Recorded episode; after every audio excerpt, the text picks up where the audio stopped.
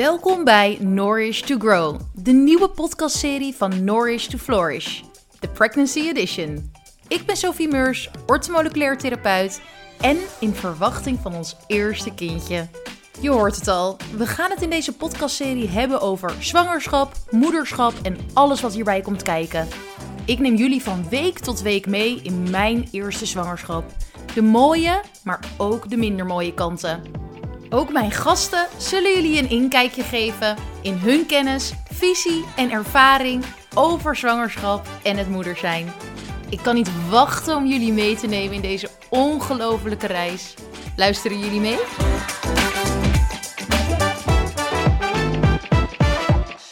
Yes, jongens, nu we toch zo goed bezig zijn, we doen er gewoon nog één. Nog een aflevering. Vorige week, week 25, vertelde ik dat mijn buik wat meer was gegroeid en wat meer zichtbaar was. Over mijn zoete verslaving, craving en dat ik me er totaal niet schuldig over voel. Over de prachtige foto's van Laura Bijn en over de sappen van Silly Juices. Wat ik ook nog even wilde vermelden, wat ik niet had gedaan, is dat ik een kortingscode heb van Grutto. Dus over het vlees en de vis en de kip, waar ik zo enthousiast over was. Namelijk een korting van 10 euro op jouw bestelling. En ja, dat tikt toch wel even lekker aan.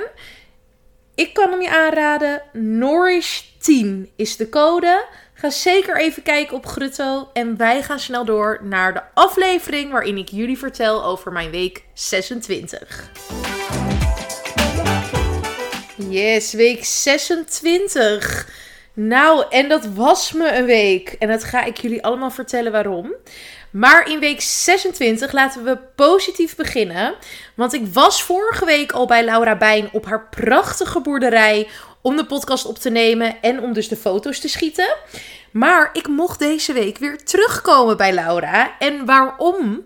Nou, ik heb een zuurdezen workshop gevolgd. En Laura uh, geeft deze workshop zelf niet, maar host hem wel. Dus op haar prachtige uh, landschap, landgoed, boerderij, neem het. Het is erg groot en erg mooi.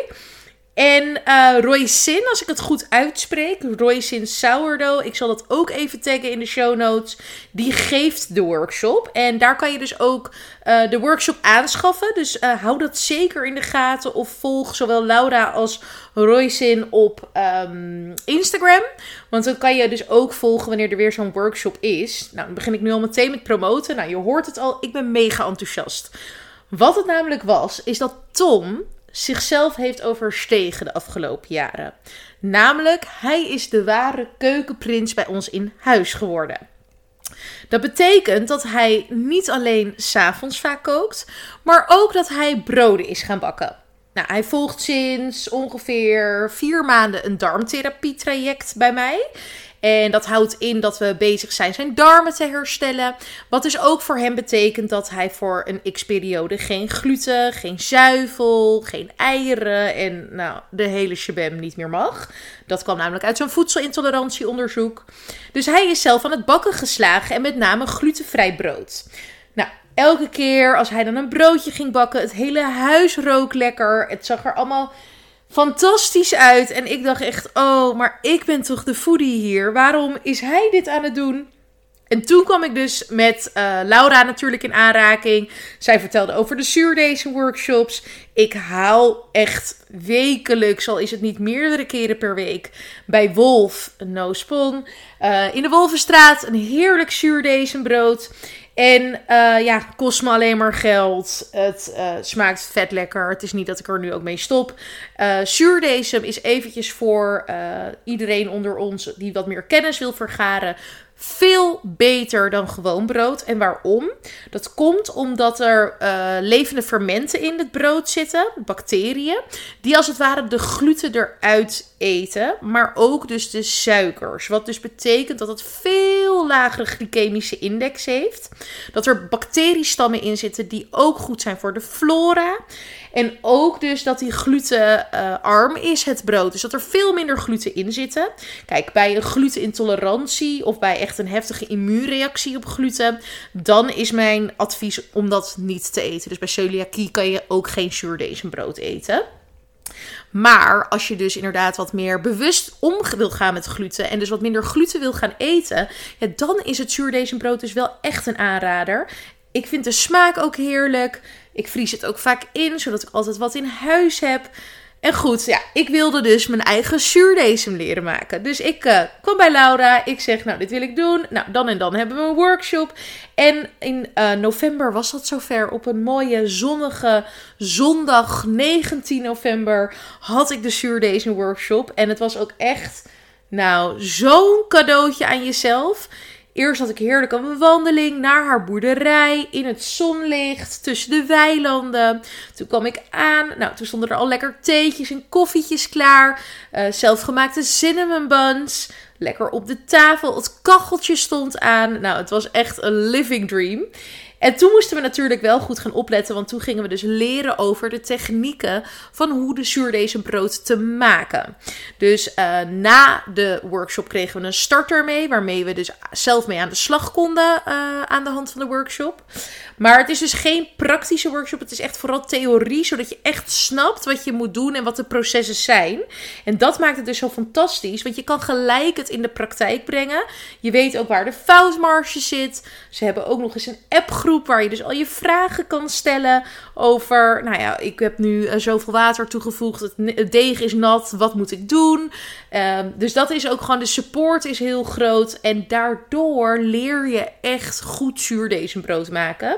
Nou, ik heb nu ongeveer al vier broden gebakken. Ik bak ongeveer elke week één à twee broden. En ja, het lukt gewoon. Het is gewoon zo lekker. Ik had laatst had ik een brood gebakken en naar mijn ouders gebracht. En die zeiden echt, nou, het is echt, er is gewoon niks dat ik zou zeggen, dat zou ik eraan toevoegen. Dus echt alsof je het vers van de bakker haalt. Nou, echt fantastisch. Dus het is echt een investering en een cadeautje aan jezelf of aan je partner of aan een vriendin. Als je denkt van, oh, dat is een leuk verjaardagscadeau. Um, ja, ik was echt mega enthousiast. Dus dat heb ik gedaan uh, in week 26. Of daar begon mijn week 26 mee. Of althans in dat weekend. En ja, even kijken. Toen ging het op een gegeven moment even mis in week 26. Want wat gebeurde er?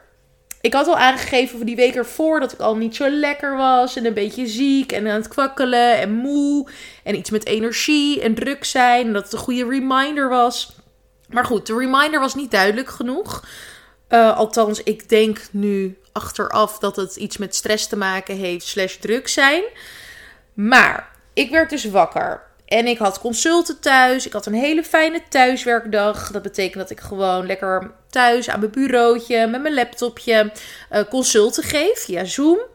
En s ochtends had ik dus een consult en ik voelde een soort van steek bij mijn maag. Maar ik had nog niet echt iets gegeten. En die steek die was echt soort van onder mijn borstkas. En het voelde een beetje alsof ik last ging krijgen van maagzuur. Maar ik had dus geen last van maagzuur. Dus dat was een beetje het ding van... Het voelde alsof ik daar een soort van een soort druk op mijn borst. Maar ik had geen zuur branden. Dus het kwam niet omhoog. En ik had nog niks gegeten. Dus ik dacht op een gegeven moment: oké, ik ga even een havermoutje maken. Gewoon heel erg plain. Beetje wortel erin. Beetje havermelk. Beetje havermout. Een beetje, uh, nou ja, gewoon heel plain, rustig, niks aan de hand. En ik heb dat opgegeten en die steek werd alleen maar erger. Dus op een gegeven moment had ik een consult. Nou, ik wist niet eens meer hoe ik moest zitten. En ik dacht, oh wat erg. Nou, en ik wist dat ik een uur later nog een consult had. Dus tussendoor ging ik even liggen. Toen dacht ik, nou, dit wordt eigenlijk alleen maar erger. Toen dacht ik, nou, dan ga ik nog even wandelen. Misschien loop ik het eruit. Nou, toen werd het ook alleen maar erger. Nou, consult in. Nou, het werd alleen maar erger. Punt. Dus na dat consult dacht ik: oké, nu moet ik stoppen. Ik ga in bed liggen en ik ga even proberen te slapen. Kijken of dat werkt. Maar zelfs als ik lag, deed het gewoon zo'n pijn aan mijn rug. Het voelde gewoon echt alsof er, ja, ik kan het niet anders uitleggen dan een messteek onder mijn borst, onder mijn ribbenkast. En ja, dat straalde gewoon helemaal uit naar mijn rug. Dus op een gegeven moment dacht ik: oké, ik ga de dokter inderdaad even mailen. En ik kon gelukkig in de namiddag terecht. Dus ik bleef maar gewoon op bed liggen. Tom was inmiddels thuis gekomen, want die had ik al een paar keer geappt dat het niet zo goed ging. Dus die kwam heel lief naar huis. En op het moment, rond een uurtje of drie, toen ik naar uh, de dokter wilde gaan, toen, ja, toen stortte ik gewoon in elkaar van de pijn en huilen. En Tom die zag mij en die zei, ja, jij gaat helemaal niet op de fiets naar de dokter. Wij gaan gewoon gelijk naar de spoedeisende hulp. Dus vervolgens zijn we naar de spoedeisende hulp gegaan. Nou, huilend letterlijk, want ik had zoveel pijn. En ja, daar schrokken ze natuurlijk meteen. Een zwangere, 26 weken. Nou, hop, gelijk uh, door. Uh, meteen inderdaad urine afnemen, bloed afnemen. Um, wat moest ik nog meer doen? Nou, ik kreeg uiteindelijk een pijnstiller. En dat is ook altijd een beetje mijn manco. Ik neem eigenlijk nooit pijnstilling. De tijd dat, of de keren dat ik pijnstilling heb genomen, dat kan ik echt denk ik op uh, nou, misschien twee handen tellen inmiddels. Nu ik bijna tegen de 30 aan zit. Maar echt niet vaak. Uh, dat doe ik omdat ik ja, vaak geen dingen wil onderdrukken. En um, ja, ik, ben, ik weet niet. Het, het is gewoon iets wat niet in mijn systeem zit. Nou, nu had ik dus ook geen pijnstilling genomen, terwijl dat natuurlijk wel had gekund, want het deed gewoon ontiegelijk veel pijn. Dus ik kreeg pijnstilling. Nou, dat hielp iets wat. Uh, daar werd ik iets rustiger van. Ik kreeg ook een drankje tegen maagzuur, ondanks dat ik dus geen last had van maagzuur, maar dus wel van die druk. Ook daarvan had ik het gevoel dat het dus wel een beetje hielp. En toen, uh, ja, de waiting game het uh, started. Of dit zal helemaal niet goed Engels zijn, maar goed, we moesten lekker gaan wachten. En ja, toen lag ik daar op zich best rustig. Nou, toen ik daar rustig lag, ook het gevoel had dat ik in goede handen was. Toen merkte ik ook wel dat de paniek iets verzwakte en daardoor dus ook de pijn. Dus dat was een heel prettig gevoel. Maar goed, je gaat als zwangere gelijk een protocol in. Dus we willen alles checken. Dus leverwaardes, nierwaardes, um, ontstekingswaardes. Ze zeiden zelfs, nou, als je inderdaad een uh, bacterie of iets of whatever it is hebt, dan moet je nu aan de antibiotica via het infuus. Nou, daar maakte ik me natuurlijk ook weer helemaal druk om. Maar goed, mijn resultaten kwamen terug na ongeveer een paar uur en toen was het allemaal positief. Er was niks aan de hand. Er was niks in mijn urine gevonden. Er was niks in mijn bloed gevonden. Mijn leverwaardes waren oké. En achteraf vertelden ze dat ze bang waren dat ik last had van zwangerschapscholestase. Omdat dat dus een teken kan zijn dat je dan daar een steek hebt. Uh, of zwangerschapsvergiftiging. Een van de twee of alle twee. Ik weet het even niet meer zozeer. Maar um, om dus zeker te checken dat het echt niks met de baby was. Omdat het ook dus inderdaad, nou ja, onder de ribbenkas bij de borst is natuurlijk aan de bovenkant van waar de bolling van de buik begint. Dus ja, dat zou ook bij de baby kunnen zitten. Dus allereerst moest ik een echo doen in het VU, waar ik lag, ook op de spoedeisende hulp. Dus daar hebben we een echo gedaan. Echt super lieve mensen. Die hebben alles laten zien en uitgelegd. En ik moet wel zeggen dat ik een beetje gespannen was. Omdat wij het geslacht niet weten. Dat ik dacht, oh my god, dan gaan we er nu achter komen. Dus ik echt tien keer zeg, nee, we weten het geslacht niet. Maar goed, dus een echo gehad. Helemaal alles in orde. Dus dat gaf me eigenlijk ook rust. En in die zin daarvoor voelde ik de baby al heel erg trappelen. Dus ik had toen al wel zoiets van...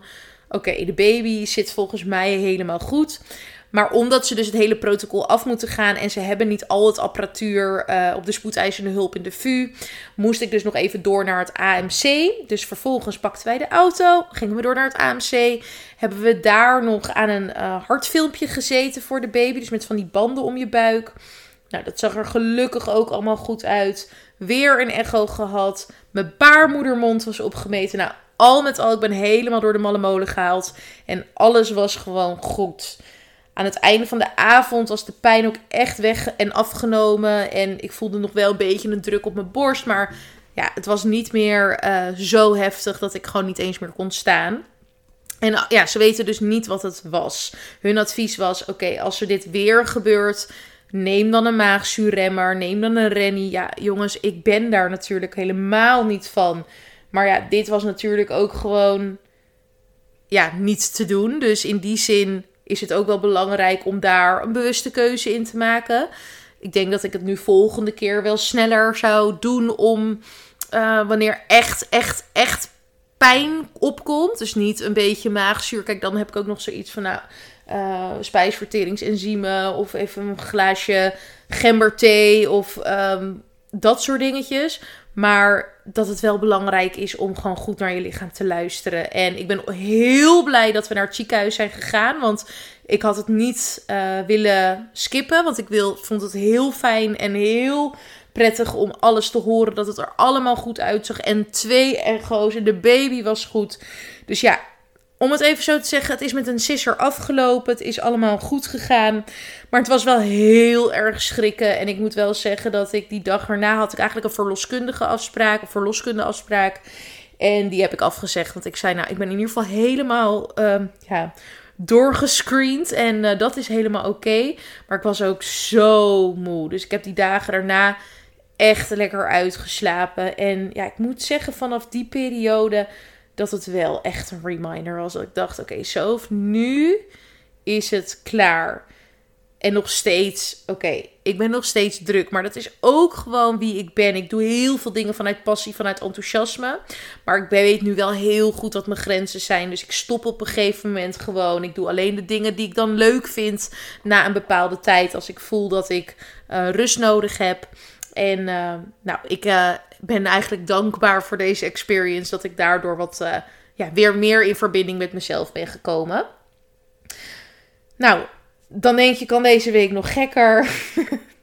nee hoor, er is niet heel veel meer gebeurd. Um, ik heb nog een hele leuke lezing mogen geven over hormonen en de cyclus.